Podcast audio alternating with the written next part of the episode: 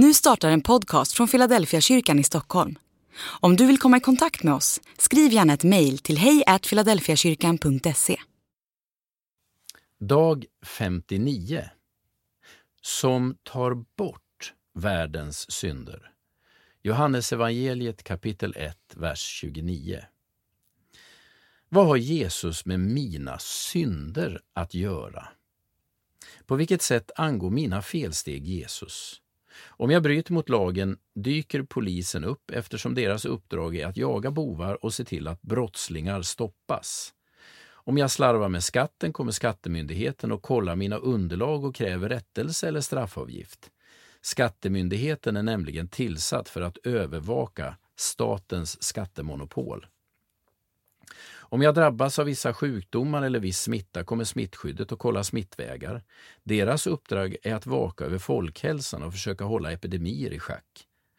Struntar jag i att gå till jobbet eller tar för långa lunchraster eller går för tidigt på dagen så kommer chefen att fråga vad jag håller på med. Hennes uppgift är nämligen att se till att arbetsgivaren får vad han har betalt för.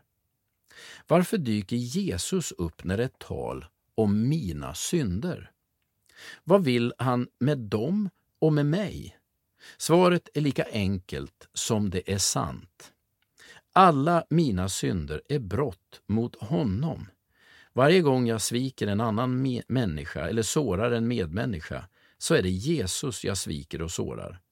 Han har skapat varje människa och alla brott eller svek är brott mot honom. Alla världens synder drabbar Jesus eftersom han är länkad till alla människor och hela skapelsen. Därför finns det en självklar koppling mellan mig, mina synder och Jesus. Andlig övning. Vi har alla blivit drabbade av andra människors synd och svek. Jesus vet vad du känner eftersom han har burit det du har drabbats av. Lämna din besvikelse och bitterhet till Jesus.